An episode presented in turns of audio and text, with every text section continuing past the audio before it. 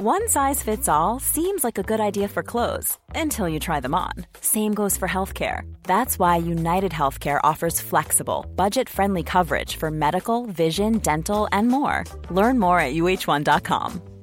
Hey, I'm Ryan Reynolds. Recently, I asked Mint Mobile's legal team if big wireless companies are allowed to raise prices due to inflation. They said yes. And then when I asked if raising prices technically violates those onerous two year contracts, they said, What the f are you talking about, you insane Hollywood ass? So to recap, we're cutting the price of Mint Unlimited from $30 a month to just $15 a month. Give it a try at mintmobile.com slash switch. $45 upfront for three months plus taxes and fees. Promo for new customers for limited time. Unlimited more than 40 gigabytes per month. Slows. Full terms at mintmobile.com.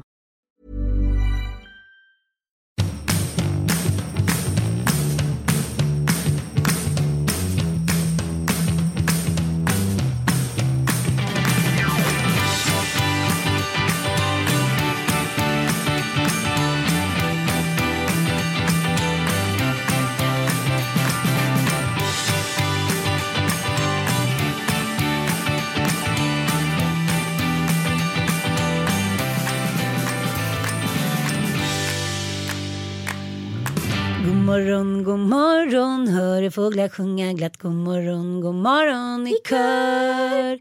Varje morgon under hela min uppväxt kom min pappa in eh, och drog upp persiennerna och sjöng den där låten. Hur mycket hatar du den låten på en skala? Nej, jag älskar den. Är det sant? Ja. Jag älskar positiva minnen. Ja, Mm. Men det finns ju vissa så här spår man har från sin barndom. Typ olika trudelutter Ja. utav diverse slag. För det var ju en generation fylld av trudelutter. Mm. Nina, 40-talisterna. nina, nina, na, nina, nina, na, na. Ja, men allt möjligt. Boktrudelutten. Hike. Vad hände med fan vad trudelutten? håller du på med nu? Jag sitter och pratar med 40-talistgeneration. Det där är bara låtar från när vi var små. Ja, hike. Hojk. Nej, men det känns som att det var mycket lättare och mycket mer liksom det gick så här, förbi radarn när man var ett original. Nu ska det så här skrikas ut så här. Åh gud vilken galen människa. Alltså jag förstår vad jag menar. Då var ju alla original på något sätt. Ja men framförallt så var, var ju den egna människan. Den, den hade ju liksom blommat ut. Det fanns, det var vi är väldigt mycket mer individualiststyrt samhälle idag. Jag tänkte på det också med allt som sker diagnostiskt nu med liksom ADHD-utredningar, Asperger och så vidare. Tänk att det finns en generation som är 70 någonting idag. Där ingen har fått en utredning. Där de faktiskt bara verkar och är. Och kanske valt ett yrke därefter och så vidare. Liksom. Ja, det där är väldigt intressant för då tänker man ju så här att just eh, men, bokstavskombinationer och liknande och bipolaritet det sägs ju vara förklaringen till så många missbruk till exempel och, och vilket jag verkligen tror att det är. Men då tänker man så här om man snabbare får riktning på det här då borde ju också antalet brott Ja exakt. de har ju gjort fältstudier och forskning och följt upp liksom eh, idén kring att man till exempel om man har ADHD eh, hamnar oftare i fängelse för att man liksom man kan aldrig slutföra sitt nya liv utan man halkar direkt in i det gamla igen. Just för att när man har ADHD så påbörjar man en massa projekt men man kan aldrig avsluta det. Så det är väldigt svårt för dem att återanpassa till samhället, de trillar så lätt dit liksom. Och eh, då gjorde de någon eh, liksom, fältstudie och lät vi säga, 100 interner vara med. Att de följde upp det här när de hade kommit ut och hjälpte dem med medicinering och bla bla.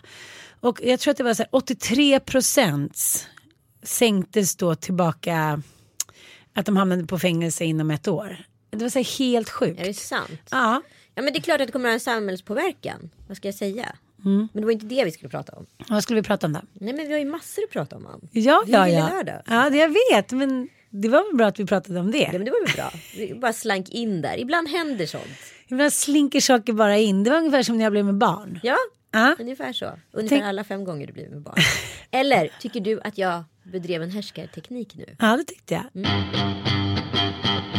Ja, det var just det. Du bedrev en härskarteknik för du förminskade det ämnet som jag tyckte var viktigt. Exakt. Ja.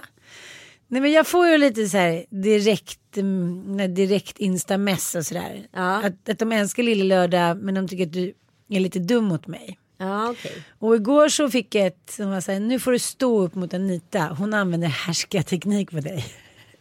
Och då tänkte jag, men gud, nu har det varit väldigt mycket härskarteknikskommentarer. För i helgen så sa Mattias, eller han säger det ganska ofta, att jag använder härskarteknik mot honom. Ja, så du menar så att det jag gör mot dig, det smittar då? Över till dig och som du använder på sätt. så Jag menar att jag är starkare än dig per definition då och du är starkare än honom. Så blir det en sån ond kedja, eller? Nej men jag vet inte men, men eh, just den här härskartekniken så finns det ju Från början tror jag att det fanns sju stycken punkter som man eh, ja, rubricerade som härskarteknik och sen var det någon norsk eh, psykolog som eh, ja, hon tog bort två så nu är det fem. Okej, säg då. Okej, om jag nu säger ett argu- argument här. Ja, Eh, Då ska jag som är försvara- en typisk härskartekniksargument. Ja. Anita då. Om man nu ska påstå att det jag bedriver är härskarteknik. Eller Ja. bra poddinnehåll. Jag vet inte. En fin gräns det där. Ja. Eh, då kan jag säga så här. Är du säker på det här femte barnet? Du vet att du skulle kunna bli en ensamstående fembarnsmamma. ja. Eh, men då, då använder du stereotypmetoden. Okej. Mm. Då förenklar du mig för mitt utseende, kön, sexualitet eller kanske hårfärg. För då tilldelar du mig, det står ju så här, att det handlar om att du tilldelar mig typiskt kvinnliga En arketyp för. egenskaper Ja. eller uppgifter. Det här är så typiskt till exempel. Det använder jag ju lite mot dig. Ja. Fan också. ja men till exempel, det här är så klassiskt tycker jag. Ja. Som jag blir så, så jävla kletigt irriterad på. Ofta när jag är på middagar ska man prata till exempel om sex. Till exempel så kanske man har en killkompis eller en tjejkompis som är homosexuell. Ja. Och då märker jag en tendens att liksom vissa typer av män tycker det är så spännande med sexualitet inom homosexualiteten. Att det liksom, det, ja men, gemene liksom bild är ju så här att ja, men alla homosexuella pippar som kaniner. Ser man ett hål stoppar man in kuken där och hoppas att någon är på andra sidan. Ungefär så. En glory holes. Ja, och det är klart att det inte är så. Det är klart att det handlar om historien att man liksom i alla tider fått gömma sig och så här, mötas på mörka dunkla platser och skapat liksom vad ska jag säga, både en skam och en spänningskultur kring det här som gör att det inte är en så jävla biggie och kanske ligga med många partners liksom. Nej. Eh, men då ska vissa säga så här, jaha men hur är det så här med homosexuella? Är det så att ni har så mycket sex om det? Eller vad tycker du om stil och mode? Att man förminskas på grund av sitt kön kö- eller sin sexualitet. sexualitet, Ja. ja. Eller ta vilken religion som helst. Liksom. Mm. Jaha, ja men då är, får ni kvinnor inte ens liksom vara med då eller? Att vi har för att kunna liksom leva i den här världen med all den här informationen och alla de olika kulturerna så har vi förenklat. Ja men det måste Såklart. bli små arbetsmodeller. Ja men det är klart, det förstår jag också. Men ibland så blir det så himla stereotypiskt. Liksom. Förstår du vad jag menar? Mm. Absolut, sen kanske det finns i vissa fall. Nu försvarar jag verkligen inga män här. Men det kan ju finnas en, kanske ett, så här, alltså ett, ett stort intresse runt de här frågorna. För att jag, jag, jag tror typ inte jag känner någon man som inte någon gång i sitt liv har bögat. Förlåt. Nej. Hur Mattias? Jo, din man.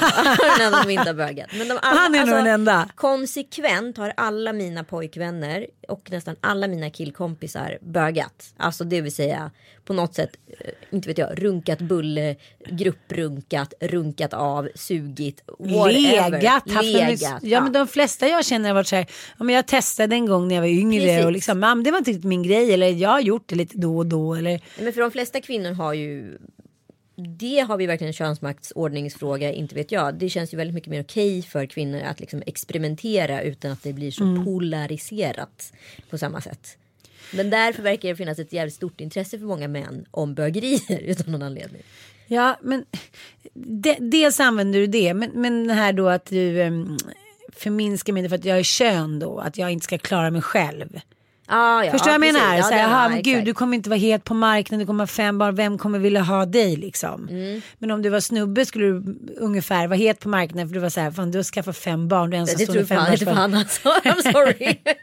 Nej men okej, vi tar lite generalisering Ja, ja, då. Och, eh, men, men då står det lite så här att det är även då att jag eh, ger dig de typiskt tråkiga arbetsuppgifterna. Här är ju då att kvinnor tilldelas typiskt kvinnliga arbetsuppgifter. Som till exempel om du och jag, du är min manliga chef och så ska, ju- ska någon av oss anteckna från mötet. Och det vill inte han göra, det vill inte jag heller göra, det är ju tråkigt som finns. Men då kanske han säger så här till dig, ja ah, men ni tjejer ni kan ju göra ni har ju mer simultanförmåga än oss och dessutom så skriver du mycket snyggare än jag.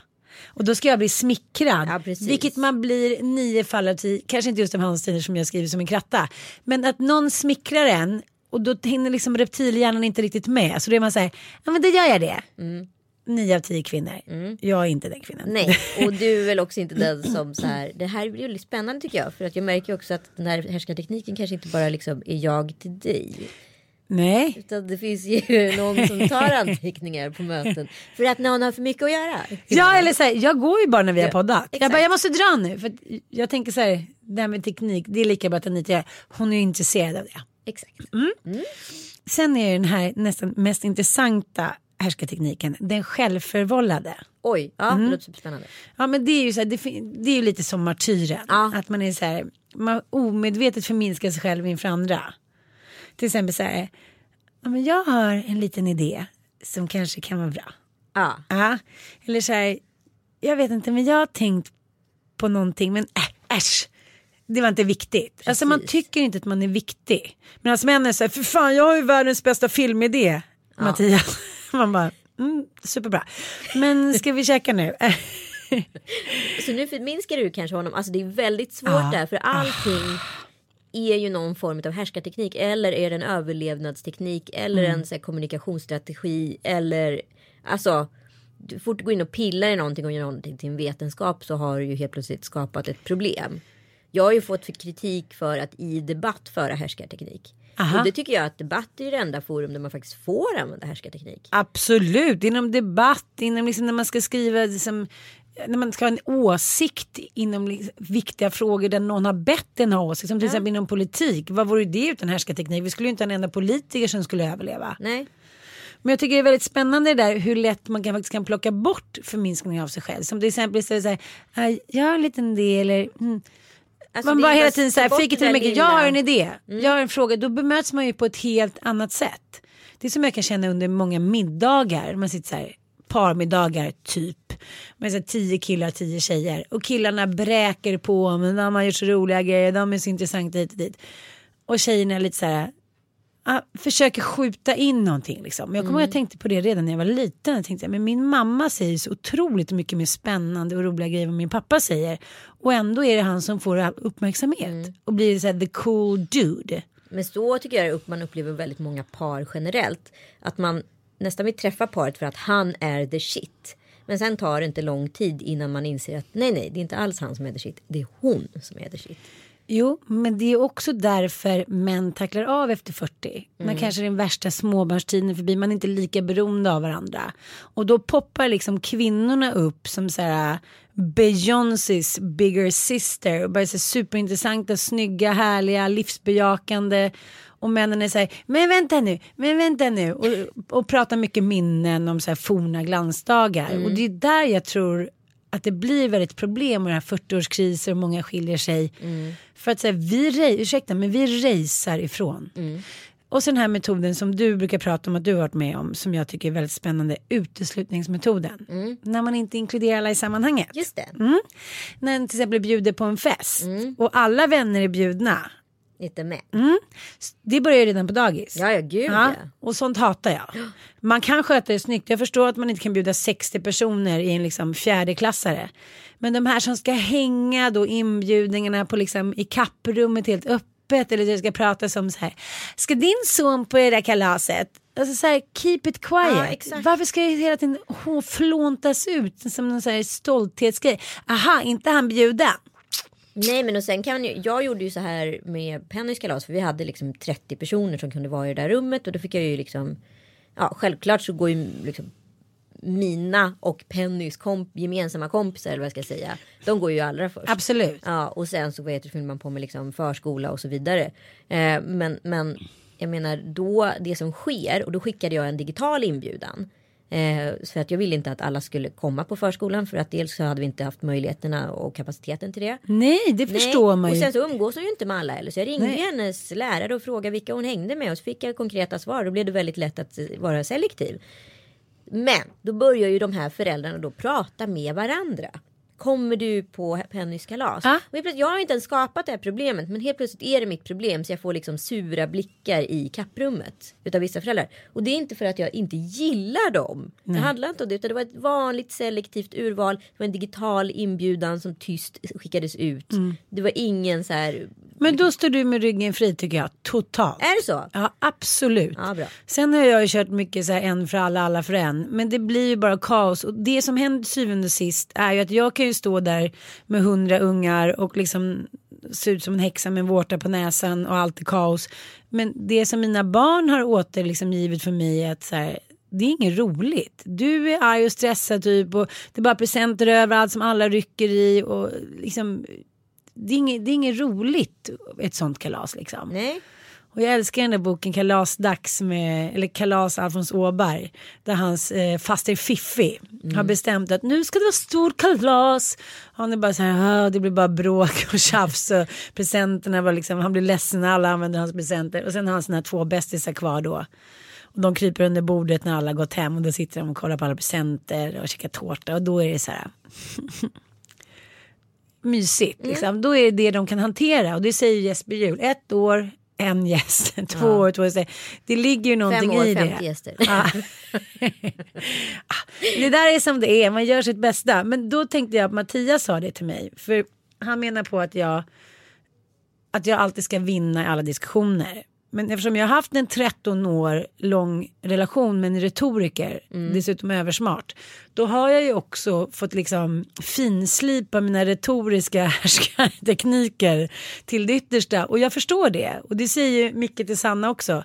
Okej, förlåt. Sanna Lundell och Micke Persbrandt. Det går ju inte att vinna mot sådana kvinnor. Vad vi än säger så har ni så här läst på någonting om ämnet. Och de vet ju inte riktigt vad vi har läst på. Så då är det svårt att gå in.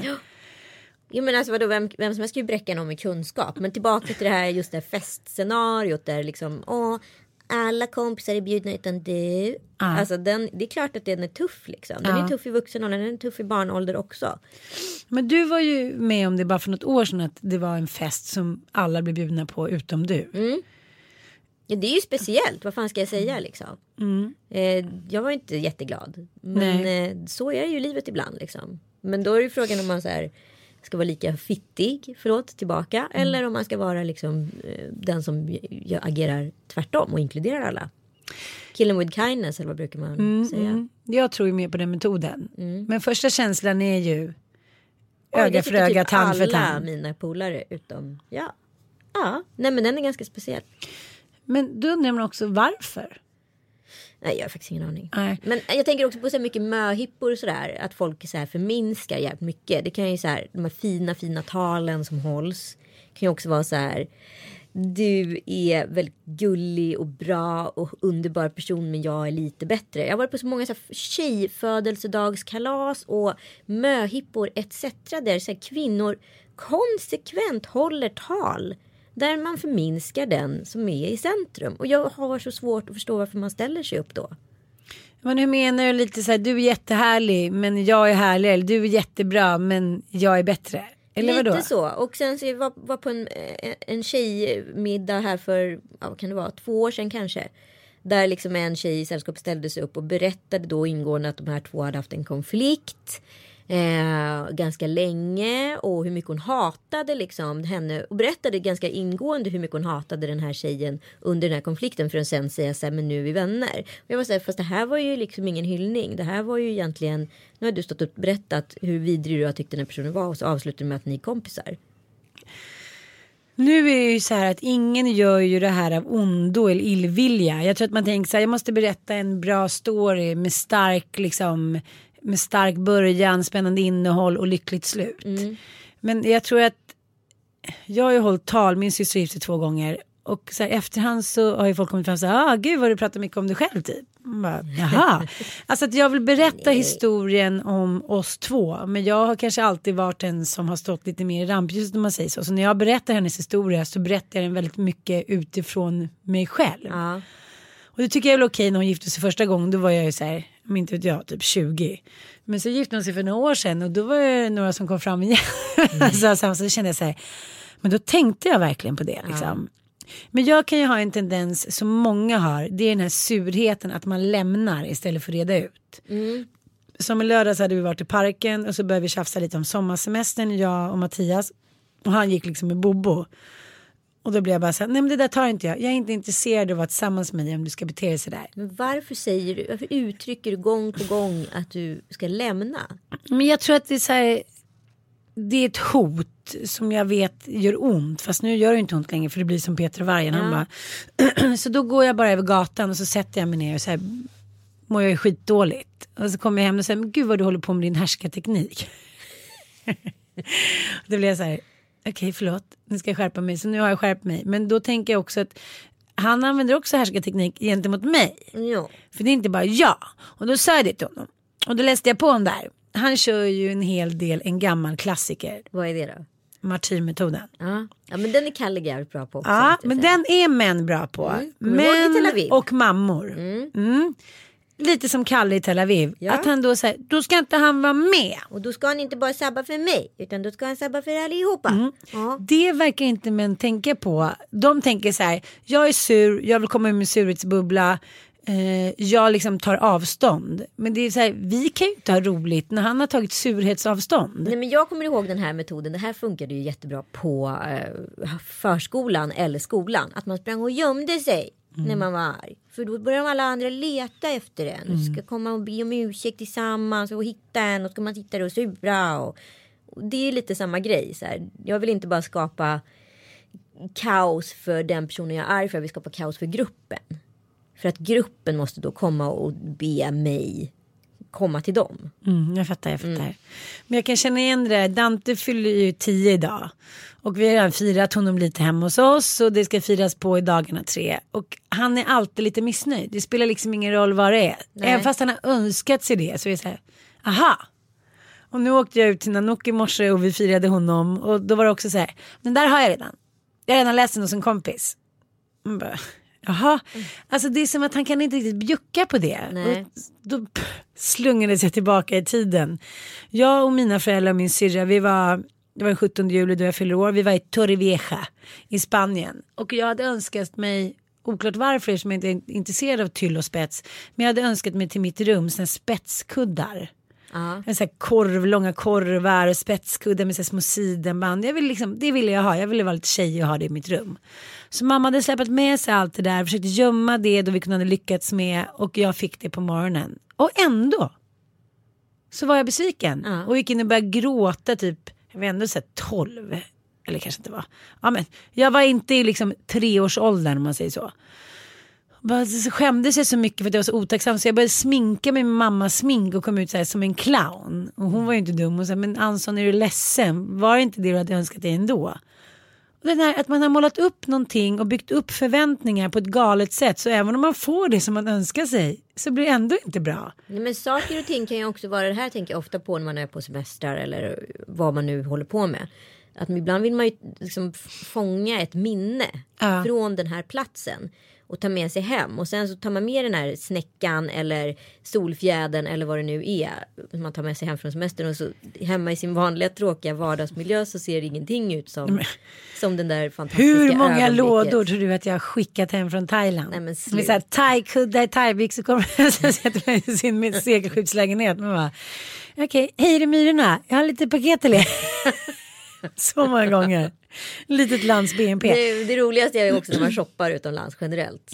Alltså när du får feeling i Mm. landet och bara, åh gud den här kaftanen alltså jävlar. det var så Indien. Ja, Hur Indien. mycket överkast, smycken och kaftaner. Gud, det här känns som jag. Farah Dima typ.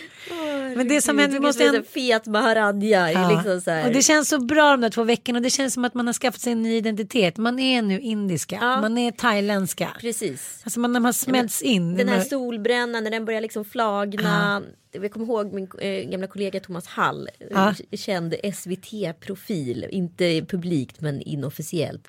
Hade, åker då till Ibiza varje år.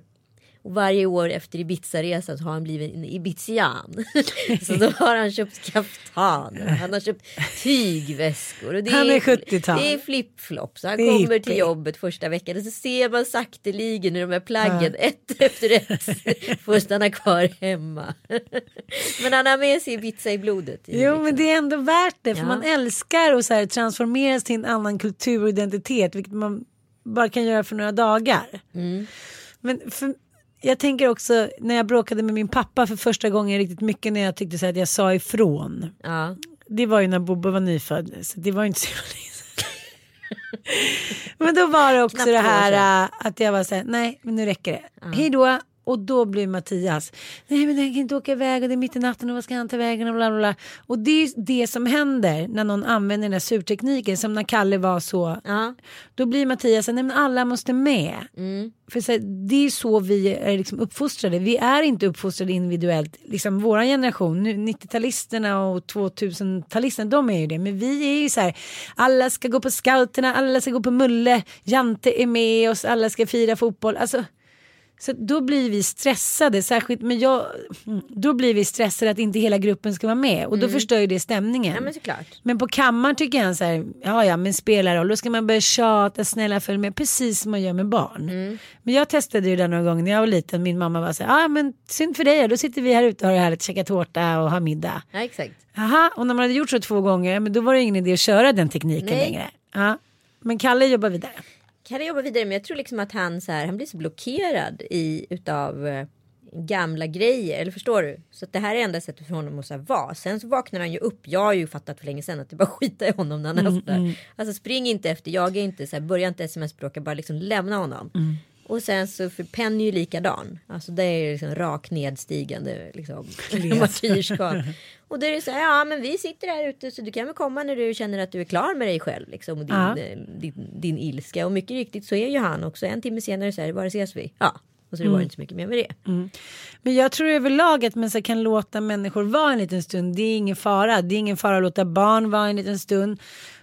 Men mina barn är så här, men du kom inte, du tröstade inte oss, du är en dålig mamma. Säger, men, så, men jag kan inte trösta dig just nu. Nej. Jag kan inte be dig be om förlåtelse, jag kan inte be om förlåtelse för du är så inne i din ilska och ditt eget jag just nu. Ja. Men det förstår man ju inte när man är nio. Nej men det är klart man inte gör. Men det som jag skulle då, eftersom jag vill också att eh, Mattias inte ska komma undan när det gäller härskarteknik som han säger att jag hela tiden använder mig av. Då är det den här martyrmetoden som vi, som vi pratar om. Liksom. Ja. Och då handlar det om att den här personen surfar ju på vågen av dina skuldkänslor. Mm. Nu kanske inte jag tycker att Kalle gjorde det. Jag tycker inte att det var en sån martyrvåg men han blev ju sur på dig för att han tyckte att du och jag var missnöjda. Och då försökte vi förklara att det handlar inte om missnöje, det handlar om så här, det är så sällan man har lite tid över. Exakt. Och då vill man att allting ska vara bra. Så det handlar bara om att man vill uppnå konsensus tills man är nöjd med sin semester eller med sin mat. Alla tycker att jag är så pinsam när jag här, men jag tyckte inte att det här var så välstekt. Eller Men jag det är ju tycker... det värsta Kalle vet. Ja, alltså, han Mattias vill ju springa också. ut Han från tycker att det är restaurangen så när jag, när jag, om jag klagar. Men varför? Ja, och det är, så här, det är väldigt individuellt. För jag skäms ju inte, men han skäms. Och då blir det jobbigt för honom och då blir han arg på mig. Alltså det är en sån jättemärklig process. Ja, men jag förstår inte det här. För om du och jag till exempel, ponera nu att vi gör ett program som heter Lille Lördag här. Ja. Och så hör våra eh, kunder eller lyssnare, det är ju samma sak, av sig till oss och säger så här. Ja men vi tycker att ni pratar för mycket om det där, kan inte ni prata lite mer om det här? Då är inte vi, vi att så här, jaha, de gillade inte när vi pratade om det, då ska vi alltid prata om det. Förstår du? Utan då försöker man anpassa sig och Ja. göra något, då vill man ju veta. Exakt. Det är ungefär som vissa människor som har vissa drag och så vågar man inte säga det till dem för att de tycker att de är lite känsliga eller det är svårt att säga. Så sitter man och snackar skit bakom ryggen. Ja, de säger inte till sina barn eller den är så och så och så. Och så får den personen höra det kanske efter fem år. Samma sak med otrohet. Ja. Vi ska inte lägga oss i. Jag skulle bli så ledsen om du om fem år visste att sen Mattis hade haft en relation med en kompis hos i fem år men du vill inte lägga dig i. Då skulle jag hata dig resten av Men livet. det är väl klart du skulle. Mm. Men samtidigt är ju just otroheten, den, är ju, den har vi pratat om tidigare. Den, Den är är ju svår. jäkligt svår. Ja. Alltså. För det är lite att så här, lägga sig själv som en spelmarker på bordet där. Mm. Om du är den som går in och så här, berättar. För det skulle kunna liksom slå tillbaka och det skulle kunna liksom. Jo jag vet fast jag tänker att här- den mentaliteten är så jävla förödande och förgörande. För vi använder den överallt. När det gäller barnmisshandel, hustrumisshandel, incest. Allting där vi känner så här, är, där, är vi riktigt säkra? Är liksom, ska vi verkligen in där och röra runt? Hellre röra runt än att inte röra runt. Förstår du Ja, jag menar? jag är och då kanske dig. man så här förlorar någonting på vägen eller liksom får några utskällningar. Men jag, jag har bara helt annat inställning till det här. Ser jag någon som gör någonting dumt då går jag fram även fast det knarkar och liksom jag riskerar livet. Alltså man måste ha det inre patoset för har man inte det det är då alla svaga råkar illa ut. Och det är men inte jag rättvist. är med dig, men Ja. två gånger har jag blivit av med väldigt goda vänner för att jag har klivit in och sagt ifrån just när det kommer till otrohet. Är det så? Ja, och det slutar För med de vill inte höra egentligen. Egentligen kanske de inte vill höra och så får de höra och så bestämmer de sig ändå för att satsa på det här med sin partner och då måste någon åka ut. Men kan inte vara tre stycken i sängen liksom. Så då är det jag. Alltså förstår du vad jag menar? Det var ju en metafor. Jaha, Mm. nej för jag trodde att du låg med alla dina vänners killar. Men jag förstår att det är ett dilemma. Men någonstans så måste ju de efteråt ändå tänka så här. Fan hon hade, she had the balls. Ja, jag vet inte. Jag tänker också att man, så här, man kan skriva om vilken historia man än vill. Beroende på var någonstans i livet det är. Det är inte så många som är rationella. Det är inte så många som är eh, starka. Och om du nu känner att du ska överleva en tuff situation. Då tar du till de medel du behöver för att överleva den. Och då är det lättare att kanske göra mig då per definition till boven. Än att göra sin man till boven. Och så har man då skapat den världsbilden. Och liksom så här såg det ut. Så här var scenariot. Och så blir det så det är. Och då är jag också en person som är svår att jobba med. Jag kanske är svår att, att vara kompis med och så vidare och så vidare och så vidare. Alltså man hittar en modell för varför man inte längre vill ha med mig att göra som funkar. Och det handlar inte bara om mig, det handlar om alla som har varit med om det jättegod vän till mig hade en bästis, bästis, bästis. De hade Mm. umgåtts liksom sen de gick på gymnasiet. Alltså de var som Leo Långhamn, de var soulmates. Och hon blir kär i en snubbe som misshandlar henne ordentligt. Det är knivar i benet och det är blåtiror och så här. Allt kommer ju såklart inte fram. Nej. Hon är så här, ingen fara, ingen fara. Och till slut så anmäler ju min kompis och hennes syrra och hennes mamma den här misshandeln. Den är ju så grov så att liksom, det är galenskap.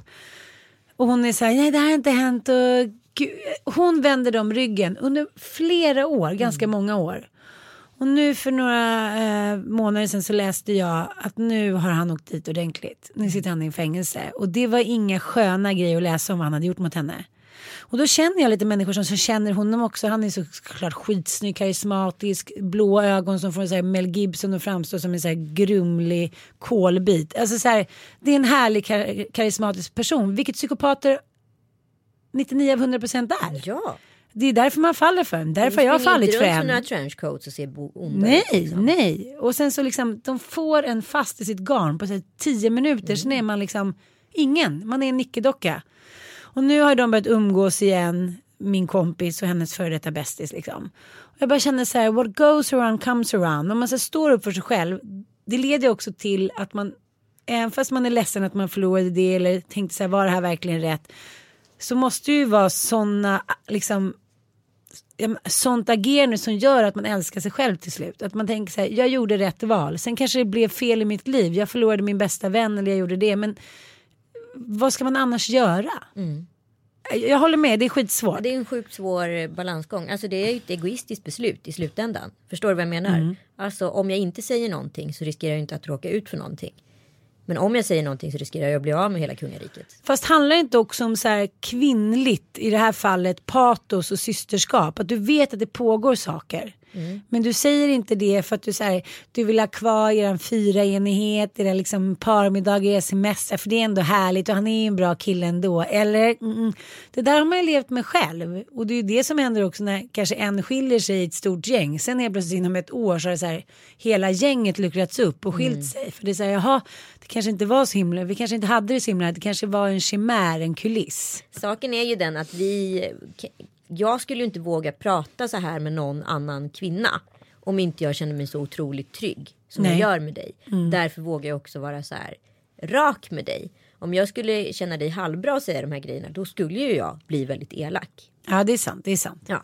Ja. Men eh, jag är så fascinerad utav, nu har det ju varit liksom Cannes-festivalen här, det har varit mycket gala, vi har sett så många divas gå runt på så här kroasetten och visat upp sig. Och vi pratade här innan helgen om Julia Roberts bland annat och hennes då skoprotest. Det var någon oerhört spännande människa från eh, DN var det det? Eh, SVTs kulturpanel. Ja, som då tyckte att hon begick ett eh, grovt fel. Mm, moralfel. Inte kunde hon Inte kunde hon. Gå barfota och göra ett eh, feministiskt statement när hon hade spelat Pretty Woman för 20 år sedan. Just det. Mm, Det var vulgärt. Det var vulgärt. Oseriöst. Det är ändå spännande när folk säger sådana saker idag. Jag tänker att det är ju en så här. Det är ju en åsikt som inte alls passar in i åsiktskorridoren. Nej, men du och jag pratar mycket om uttrycket under radarn. Att så här, tusen miljontals sådana kommentarer bara så här slinker förbi under radarn varje dag. Och jag tänker om man så här plockar upp de här under radarn kommentarerna eller liksom agerandet som chefer har när de tafsar på sina anställda hit och dit. Om man gör det hela tiden då kommer de inte hamna under radarn längre. Nej. Och då har vi en helt ny atmosfär och ny värld. Ja men då är ju det återigen för att å- återspegla på det vi pratade om precis. Att eh, vara den som vågar prata om att din snubbe är otrogen.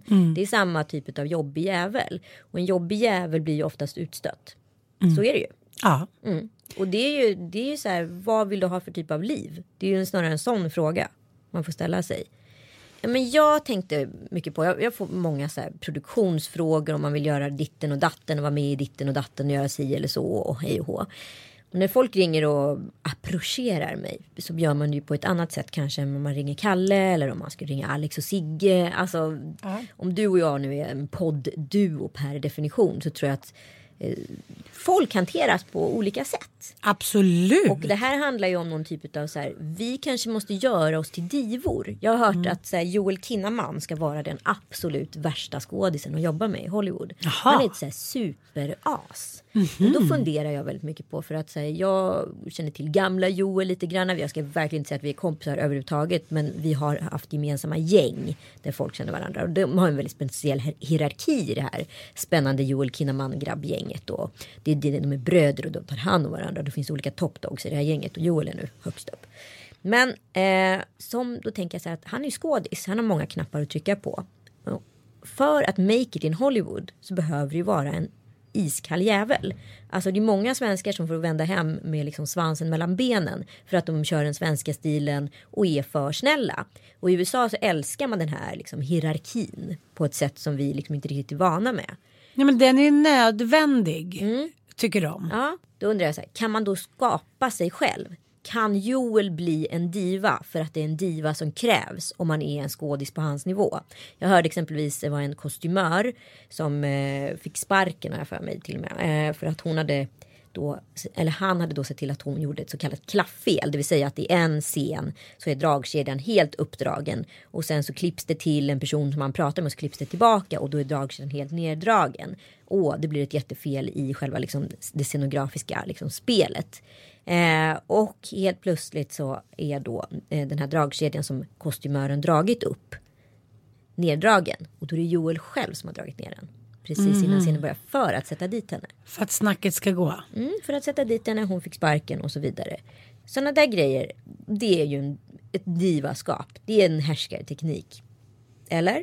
Absolut. Men jag, jag tänker bara på några både kvinnliga och manliga kollegor som har kört den där stilen som har blivit lite kända över en natt. Och helt plötsligt så här wow, det har stigit dem mot huvudet.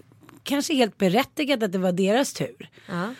Så här prata om sig själva som några liksom eh, superstars och skryter och så här, håller på med divalater och kräver saker. Och så här, jag menar så beter sig som riktiga jävla diver. Som några få människor faktiskt tycker är berättigade att göra. Typ så här, ja men du vet, Birgit Nilsson, typ Ingrid Bergman. Alltså det finns ju några som, ja kanske till och med Micke Persbrandt i dagens Sverige liksom. Men så finns det de där som är strax under som också vill vara med där. Och då blir det ju lite obagligt. Och då händer det ju ibland att de här människorna puttas ner från tronen. För Men att de, Joel Kinnaman är ju ändå en superstar. jo men jag tänker att det funkar i USA men att det inte riktigt funkar i Sverige. Nej men jag tänker också på om det handlar om för att han är man. För att jag, med, jag vet så här att du och jag får ju mycket förfrågningar med podden att vi ska göra ditten och datten. Och jag får också mycket förfrågningar om olika så här, eh, samarbeten med olika företag. Och exempelvis för ett tag sedan så var det ett företag som hörde av sig Mm, och ville att jag skulle lägga upp ett inlägg, bla bla bla. Och sen så var det inte så mycket mer med det. När de hör av sig igen säger de att du har gjort fel, det ska inte vara så där. Vi har ändrat briefen, okej. Då tog jag bort bilden och så la jag upp en ny bild till det. Och så bara nej, vi får inte göra så där heller för vi har ändrat briefen. Men vi glömt att kommunicera det, okej. Och så vidare. Och då sa jag bara, men då vet du vad, då får ni betala mig ändå. För att nu kan jag inte hålla på med det här längre. Ja, men nu pratar du som att folk förstår vad du säger, vilket man inte riktigt gör om man inte är inne i den här världen. De ber dig lägga ut en bild. Precis. Du lägger ut bilden. De liksom påskiner att säga, nej, vi vill inte ha den här bilden förresten. Du får ta en ny bild. Nej, men då, nu har jag lagt ut det som ni, det jobbet ni bad mig att göra har jag gjort. Nu vill jag ha betalt och gå vidare. Exakt. Och då blir det sura miner som Då blir fan. det sura miner såklart. Eh, och då ringer då en arg man upp mig för att berätta för mig att jag har gjort fel. Mm, som att du vore 12 år gammal och inte har liksom ställt in mjölken efter i kylskåpet. Exakt. För den här tjejen då som hade uppdraget, hon kanske var lite junior. Och när jag då blir sur på en junior, då blir ju juniorer väldigt rädda för mig. För jag kan låta ganska arg. Eh, och då måste hon svara med att ringa in det stora artilleriet. Ja. Och då ringer en arg man upp mig och berättar var skåpet ska stå. Och då säger jag till honom att jag vet exakt var skåpet står för jag har ställt det där. Lite mer till höger ja. Men det här är ju väldigt ovanligt tror jag. Men jag Ja. tror att det blir Jag tror du att det är ovanligt för det är det här jag vill komma till. Nej, att tjejerna med- står upp för sig själva. Ja men fast det här är man ju med om som tjej hela tiden. Varje dag. Vem skulle liksom ringa upp Sigge Eklund per definition. Och så en arg man som berättar vad skåpet ska stå för honom ifall han har sagt fel i något eh, reklammeddelande etc. Det kommer inte ske. Jag menar att det här är någonting som alltid ageras på mot kvinnor. Och därför undrar jag, kommer jag vara ansedd att vara en diva för att jag snäser ifrån? Fast jag tror också att det beror på hur du snäser ifrån. Jag tänker så här, ju mer du snäser ifrån, ju mer respekt får du. Alltså förstår du vad jag menar? Fast det är en fin gräns där för man skulle ju kunna tappa respekten också. Mm. Men Sanna berättade också om att hon hade varit i en liknande situation. och Var så här, vi, var Lundell. inte, ja, vi var inte nöjda med det där för du hade gjort blä blä blä blä blä. Medan män kan göra så här, lite hur de vill och det är ändå jättebra. Och är liksom fel då berättas det på ett lite gulligare så här. Finns det någon möjlighet? Nej det gör det inte. Okej men då blir det där bra. Men jag tänker mer och mer på det där att jag inte ska behaga så himla mycket. Nej. Förstår du? För det finns någonting inom oss och jag läste en artikel senast igår om en känd konstnärinna som säger så här. Det finns inom oss kvinnor. Vi vill vara till lags. Och liksom. Det är klart att det har med uppfostran att göra. Eh, men att försöka vara lite mindre till lags utan att vara liksom en bitchig rebell. Det är väl det där liksom det hårfina ligger i. Ja. För nu ibland, du vet jag kan bli så upprörd så att jag, jag blir galen. Och då är det som att alla års kondenserande ilska kommer nu jäkligt snabbt. Och jag märker det att det gäller även i mina relationer. Ja, nu har jag inte så himla många, jag har ju bara en. Men att det är så här. Jag orkar inte med en skit längre. Livet är så kort, folk dör hela tiden, får cancer, de hamnar i flygkrascher hit och dit. Så här. Jag orkar inte vara liksom Mrs Nice Girl, men jag tycker att jag alltid är rättvis. Ja. Men det här med divalaterna är ju, tror jag också, väldigt mycket som du säger, en nationalis, liksom nationalistiskt beteende. I USA så kom de från ingenstans, kom till det där landet av liksom honey and milk. Det var bara så här, köra sitt race eller dö ungefär. Så har det ju aldrig riktigt varit i Sverige. Här har vi så här, läs Utvandrarna och Vilhelm Moberg och Invandrarna och, och Nybyggarna som är vår, liksom, vårt mest beröm, berömda epos som handlar om just att vi har blivit vid våran läst. Gått i hundratals år och trälat och tagit bort stenar från marken och barnen har dött för de har svultit ihjäl och ja, men hit och dit. Och helt plötsligt så, så gick inte smålänningarna med på det här längre utan de emigrerade utav bara helvete. Och det blev inte särskilt mycket bättre där. Men de gav det i alla fall chansen. Exakt. Och det är väl det det handlar om att man liksom man kan inte bliva vid sin läst. Om man har respekt på sig själv om man har respekt för sig själv då har ju andra också det. Ja men såklart.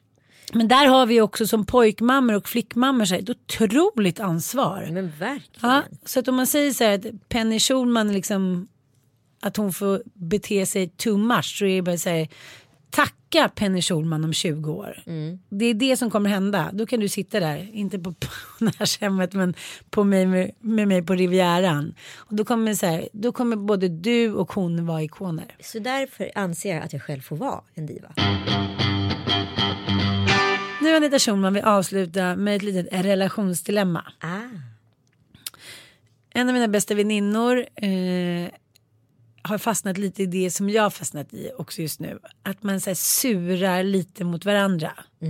Det är vår, man har massa ungar, man kanske bara vill så här, springa ut som en liten vårponny och så här. Ja men du vet, dricka drinkar. Är det vad en vårponny? Är den- är lika stor som en vårkyckling ungefär eller hur? Ja, den, den rör sig fritt, olika världar. Har den ett horn i pannan eller är den rosa? Eller något Ja, den är rosa. Ja, den är rosa med torn i pannan. Det är bra. Och den har stay-ups. Nej men det händer ju någonting som jag pratade om förut. När våren kommer. Ja. Det är så här. Helt plötsligt är det så här. The day of happiness. Man bara. Aha det fanns en anledning till att vi levde i det här landet. Det fanns en anledning till att jag liksom vaknar varje morgon med den här mannen. Och liksom livet känns ljust. Det, det går ju ganska snabbt. Så från en dag till en annan så, så ser man ljuset igen. Och det gör man ju inte riktigt på samma sätt när man är gravid. Nej. Det är så här, man ser ju ljuset i tunneln när det är ungefär tre veckor kvar till förlossning. Mm, men det här har ju blivit så lite ojämnt då eftersom Mattias är så här, åh gud vad kul, jag vill känna mig som jag är 24 igen och släppa allt ansvar och hit och dit. Men så jag är så här, ja men jättekul för dig, ha det så kul. Vi ses på Norsen Chow, något. Och nu firade vi då treårsjubileum eh, i lördags och då eh, fick jag inbjudan till Malins eh, 37-årskalas, Malin Eklunds. Det var ju flera månader sedan. Ja. Ja, och då tänkte väl inte jag på att det var vår årsdag. Nej. Nej, så jag tackar gladeligen ja. Och sen börjar det närma sig så börjar jag inse att nu har ju Mattias inte kommit ihåg det här. Och då blev jag ju hemskt sårad. Ja, du blir fruktansvärt sårad. Fast du själv hade glömt bort det fram till förra veckan. Precis. Mm. Där har vi pudens kärna. Att så här, jag blir förnärmad fast jag själv har förnärmat. Exakt. Ja. Men jag tror att det handlar också om en känsla som ligger kvar. Just det att vissa kvinnor får vara divor i sina relationer. När de är gravida då behöver de inte göra någonting. Det blir fotmassage och ja, men det blir kärleksbombningar och det blir små överraskningar för att kvinnan ska klara av att bära det här barnet som, som hon ger till mannen då. Och eh, det här är ett problem som jag också själv varit med och skapat. Att jag är väldigt stark och visar inte att jag behöver någonting. Och sen så tycker jag att det måste de ju fatta ändå. Alla människor behöver ju omsorg och bortklämnad precis som barn. Ja. Ungefär. Så att jag tror att just att det här glömdes bort gör mig så sårad för att jag har alltså, om, om man ska ha såna här klassiska saker och ting ska väga lika mycket med så, myntmått gammeldags så är mitt liksom på botten. Ja. Och då blir jag så här, men fan, ja ja, så då fläskar jag ju på och bokar hotellrum och skaffar barnvakt över natten och går och köper presenter och liksom vill ju förmodligen undermedvetet freudianskt så här, sticka in det här i hans öga Ja. på morgonen då när han inser så här, gud förlåt. Då kommer vår kompis Jenny hem till oss på en liten AV i fredag så går hon så säger hon så här, har det så himla kul nu då imorgon på bröllopsdagen ungefär. Och han är så här, va? Vadå? Vad, vad är det för datum imorgon? Ja det är 21 maj, har det så kul typ och så går hon ut genom dörren. Och jag är så här, min första tanke är så här, vad fan sa hon det för? Var det så att du såg inte så här, tre stycken sjuor på den här Jack Vegas-maskinen du har i, i pannan? Liksom? Nej. Inte alls, utan du tänkte att det var elakt utav henne. Men jag tänkte Jag så tänkte här. såhär, touché, haha. fick nej jag tänkte så här, nu räddar hon ännu en man från ansvaret. Ah. Han var som du vet var så himla mycket nu älskling hit och dit. Jag bara, ah, men det är klart du har glömt det liksom. Han bara, men ska du säga, du ska ju för fan gå på tjejfest imorgon. Jag bara, jo jo, men du vet ingenting. Och så typ gick jag ut.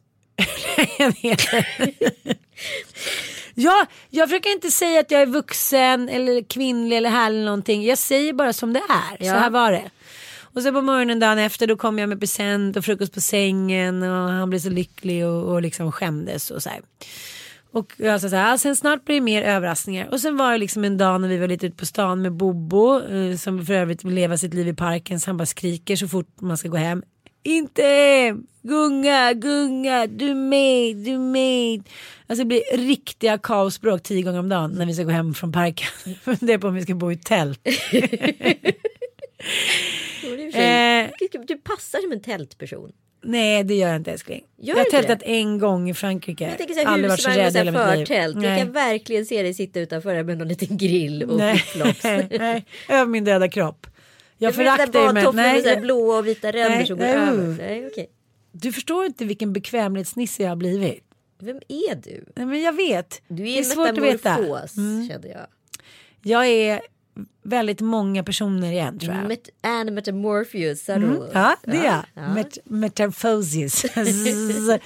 ah, först har vi en drink med hans bästa killkompis och hans fru då. Och då säger, klagar jag lite då på Mattias, att han verkar vara någon livskris eller ålderskris. De närmar sig båda 40. Och då säger hon, "Ah, min man också. Och då inser vi det här symptomet män som inte vill bli vuxna eller män som inte behövde bli det eller som inte blev det. Som liksom får sina första barn när de närmar sig 40, har haft bra stålar i liksom 10 år. Så här, imorgon drar vi till New York eller vi drar till San Francisco och surfar eller nu drar vi hem en tjej eller Alltså det är ett skönt liv. Det är inte det där livet när man är 20 och måste träla och få leva på nudlar och sen så kanske göra en backpacking. Utan de har haft ett nice liv. Sen har de ju mot slutet av den eran föraktat det livet och känt sig ensamma och tänkt så här, men gud varför ska jag aldrig bli kär i någon för? Men det gör man ju själv felet, att man romantiserar ju det livet man hade. Man får ju ett nytt liv. För då tänker man så men gud jag som hade så härligt, jag var singel, massa killar, inga obligations. Och så minns man inte de där bakfylledagarna när man bara Åh gud nu har jag trasslat ihop mig med 19 killar och barnen och orkar inte ens ta hand om. Alltså det är ju förträngt. Det är ju som med förlossningar och skilsmässor och allting. Annars skulle man ju aldrig bli kär igen eller skaffa barn. Men då slutar det med i alla fall att jag går igenom en metaformos. Vad sa du nu? Det slutar med att jag under kvällens lopp erkänner att jag inte är någon frifräsande hippiebrud som liksom tycker att alla Svenne Bananias och män som står vid sin kvinnas sida är tråkiga. För det som händer är att jag går ju på, först går jag på Haymarket med honom och hans kompisar. Sen går jag på Malin Eklunds fest och, Och träffar er. om i. Ja, som är otroligt rolig. Otroligt härlig. Till och med för en nykter ko som jag så är det så här sensation, sensationellt roligt. Men sen så vid 12 i alla fall då börjar jag höra av mig lite till honom och så här. Och han är i gasen. Han är ju 22, han är utsläppt. Det är Sigge Pillisar, det är drinkar. Alltså han sitter i en bar, det är Norsen Chav. Alltså han är 22 och han är älskad av pöben. Ja. Och då känner jag så här, okej, jag pratar med en Emmy Gunér där på festen och säger hon så här, men vet du, låt honom parta på så åker du hem och sover med Bobo istället för att barnvakten ska sova där och så får han ha en härlig natt och så får han sova på det hotellet och sen så ses ni imorgon. Nu låter jättebra. Det låter jättebra. Men då blir jag så här, men Men Ann varför? Söderlund klarar inte av det. Ja, men vet du, jag har faktiskt varit storsint Mm. i hela mitt jävla liv. Jag bara kände så här, nej, enough is enough. Och jag skrev så här, okej älskling, men då går jag hem och sen så ses vi imorgon så kan du festa på. Och du vet, då blir jag ju stressad. Då blir jag så stressad, det ringer tio gånger och jag, där kör jag härskarteknik. Du svarar inte. Nej, Du men klickar det, bort. ja, jag, ska, jag kan inte svara just nu. Den för, förinställda liksom. Mm. Men det var ju också för att det var ju den där eh, tävlingen då. Mm. Det var ju musikquizet. Ska jag gå iväg då? Det tycker inte jag att man gör. Inte om man nej. är med i quizet. Ja hur som helst och då säger jag så här till honom lite på skämt. Ja, ska du vara ute hela natten då så syns vi om några timmar på hotellrummet. Och det är så här, nykter, går till det tomma hotellrummet, det är bara party hela stan. Jag känner så här, nej jag vill inte göra det, då går jag hem. Ja. Så jag, men jag kommer älskling, så här, ingen fara, kom till Norsen Chow så festar vi på lite. Nej, fast man festar inte på när man är liksom i 20 veckan, man gör inte det. Jag hade hållit ut bra tycker jag och haft kul liksom. Ja, så kommer, ah, men då kommer jag också då, älskling, då kommer jag också. Så kommer han, ser han lite gasen fast liksom bara härlig. Ja, jag hade velat vara ute minst två timmar till. Jaha, Hur kan man känna det? I sig. Förlåt, alltså det där är väldigt speciellt. Nej men han tyckte som han beskrev det. Han stod där. Det var värsta draget på stan. Han var 22 igen. Han var fri. Han skulle inte bli tvåbarnsfarsa. Han hade absolut inte tre bonusbarn. Det var det absolut inte. Ja men det vet du själv hur man kan känna. Och har man aldrig känt den känslan då kan man inte förstå. Så, du vet, jag slå, slåss ju med mig själv. Lilla djävulen på axeln och så här, den gravida urmodern. Men jag bara kände så här, nej du får faktiskt komma hem och vara med mig. Det här är vår treårsdag och liksom, vi ska ha ett barn ihop. Så här, nej. Antingen åker jag hem eller också kommer du hit. Ja, det är speciellt. Jag, jag, jag, ska, Jag vet fortfarande inte om jag gjorde rätt. Nej det vet inte jag heller. Men jag har i alla fall en teori om det här. Har du? jag lite kort ska dra. Ja det är bra. Eh, Världens längsta För att, eh, nej men jag hade en diskussion med Kalle om det här också för det har varit mycket grabbresor och mycket hejsan svejsan liksom. Och jag så här, embrace, alltså så här, så länge du får marktjänsten hemma att funka. Om du drar iväg på någonting så är det inga problem. Men funkar inte det hemma då måste vi ha ett samtal om det här. Inte mer än så. Och det sa jag vid ett tillfälle som tydligen har tagit honom otroligt hårt. Att jag sa så här, om människan i grunden är en nolla. Förstår du? Inte en nolla som att den är en dålig person utan om, om livet börjar på noll. Ja. Eh, så är ju varje avkall på att få vara liksom. Du är som mest lycklig. Tänk så då. Du är som mest lycklig när du är själv. När du bestämmer själv din agenda. Om du ska åka till San Francisco och surfa. Om du har pengarna. Alltså du skapar ditt egen samvaro på olika sätt och sammanhang. Ja. Eh, så om du börjar på en nolla så är ju egentligen varje liksom avkall på den här grejen där du väljer allting utifrån ditt eget perspektiv ett minuspoäng.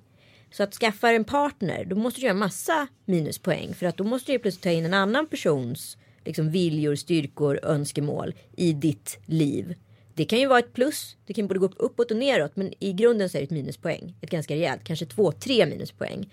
Sen kanske du kommer på ett barn här. Kanske kommer på ett barn till. Och varje barn har ju också önskemål och olika kriterier. Så det bara blir bara minus, minus, minus, minus. Så att jag tror att liksom i grunden så hatar alla män och kvinnor varandra väldigt mycket. Även om de bidrar och genererar glädje för. Men om man skulle se sig själv som en så här individuell liksom, varelse. Alla liksom the idea of love, den här svenska liksom, kärleken där vi är individuella och lever ett individuellt liv utifrån den liksom, principen så är vi ju per definition olyckliga som par. The Swedish idea of love eller vad heter det? Jag förstår precis vad du menar. Mm. Men det är det här som är liksom det eviga dilemmat. Så här, ekvationer som inte går att få ihop. Exakt. För även fast du har det där singellivet som jag hade innan jag träffade Mattias. Jag hade pengar, det var valfrihet, jag var poppis, jag hade mina barn. Jag behövde inte liksom, jag hade inte panik över någonting. Jag hade en kar- ongoing karriär.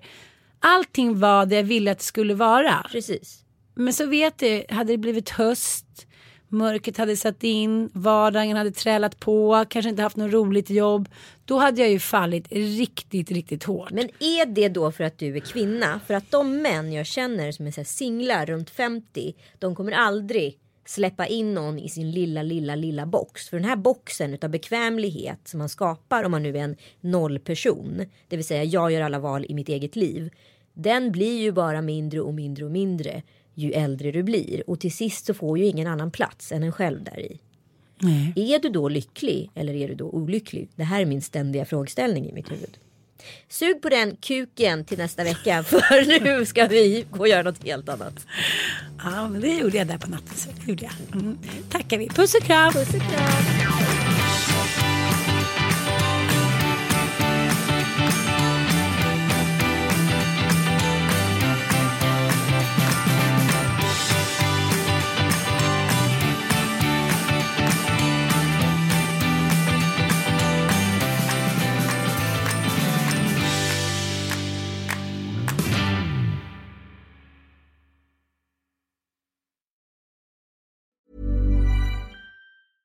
Even when we're on a budget, we still deserve nice things.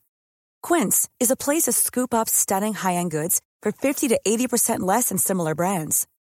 They have buttery soft cashmere sweaters starting at $50, luxurious Italian leather bags, and so much more. Plus, Quince only works with factories that use safe, ethical, and responsible manufacturing. Get the high-end goods you'll love without the high price tag with Quince. Go to quince.com slash style for free shipping and 365-day returns.